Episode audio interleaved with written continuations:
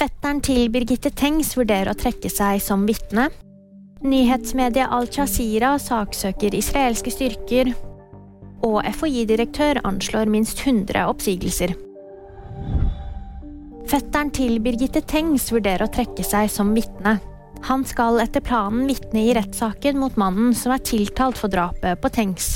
Han har ikke tatt endelig stilling til om han vil stille. Det sier fetterens advokat til Dagbladet. Nyhetsmediet Al-Jazeera saksøker det israelske militæret etter drapet på journalist Shirin Abu Akle. Det gjør det gjennom Den internasjonale straffedomstolen. Journalisten ble skutt og drept da hun skulle dekke militærets væpnede aksjon mot væpnede palestinere på Vestbredden tidligere i år. FHI har varslet store kutt etter et stramt statsbudsjett.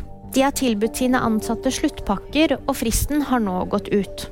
FHI-direktør Camilla Stoltenberg sier til NRK at hun ikke vet hvor mange som har takket ja, men anslår at de i tillegg vil måtte si opp rundt 100 årsverk. Og VG-nyhetene de fikk da meg, Jemund Brit Gahr.